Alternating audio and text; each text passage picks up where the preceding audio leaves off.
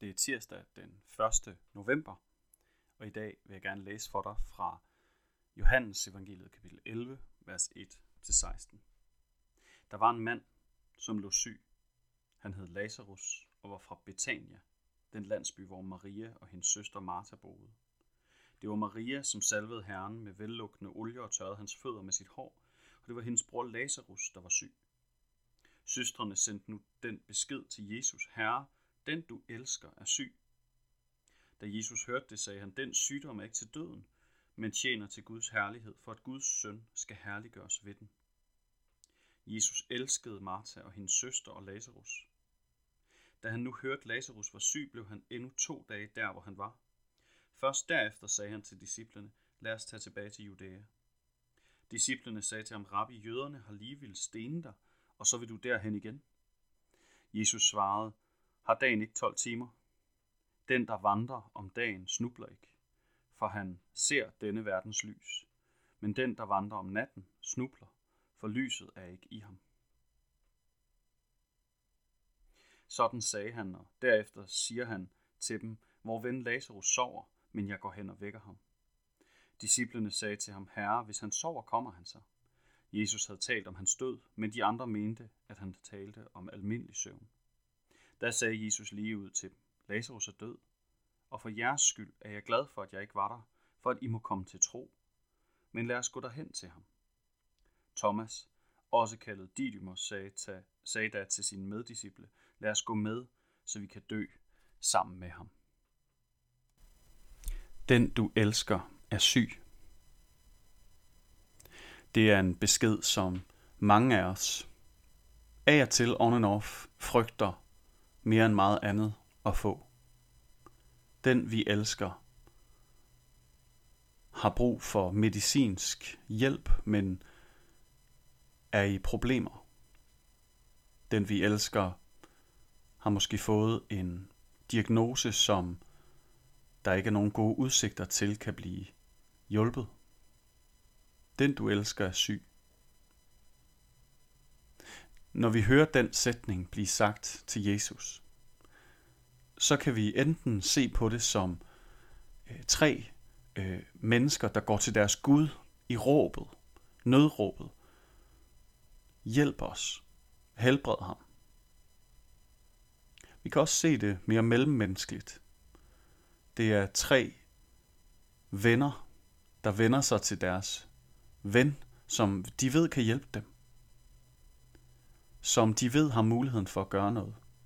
Og sige, hjælp os. Men der er også en tredje mulighed, og det er at se på den måde, Lazarus bliver beskrevet på. Den du elsker. Det menneskeliggør Gud på en helt særlig og unik måde, som kun kristendommen virkelig, virkelig udtrykker det. At Gud blev ægte menneske. Han elskede, han traf valg, som nogle gange var uforståelige, som nogle gange bare var for hans skyld, nogle gange skulle tolkes i et guddommeligt perspektiv. Han var et menneske, som savnede sin kammerat, som havde brug for at se ham. Han var et menneske, der elskede. Og Jesus, han reagerer. Han vil gøre noget her. Men han ved også, at i det her tilfælde, så tæt på, med en personlig ven, der er det ikke bare hans medmenneskelige kærlighed, hans venskabsbånd, som han skal handle på. Han skal handle med den anden del af, hvem han er. Han er Gud. Han kan se, hvordan Guds finger peger i retning af, at den her sygdom vil blive brugt til at skabe tro, til at vække folk til virkelig at forstå, hvem han er. Og derfor må han træffe det sindssygt svære valg at vente med at gøre noget, til det for mennesker at se er for sent. Jesus står der med kærligheden til sin ven, til sin vens søstre, til hele familien der, og er nødt til at vente.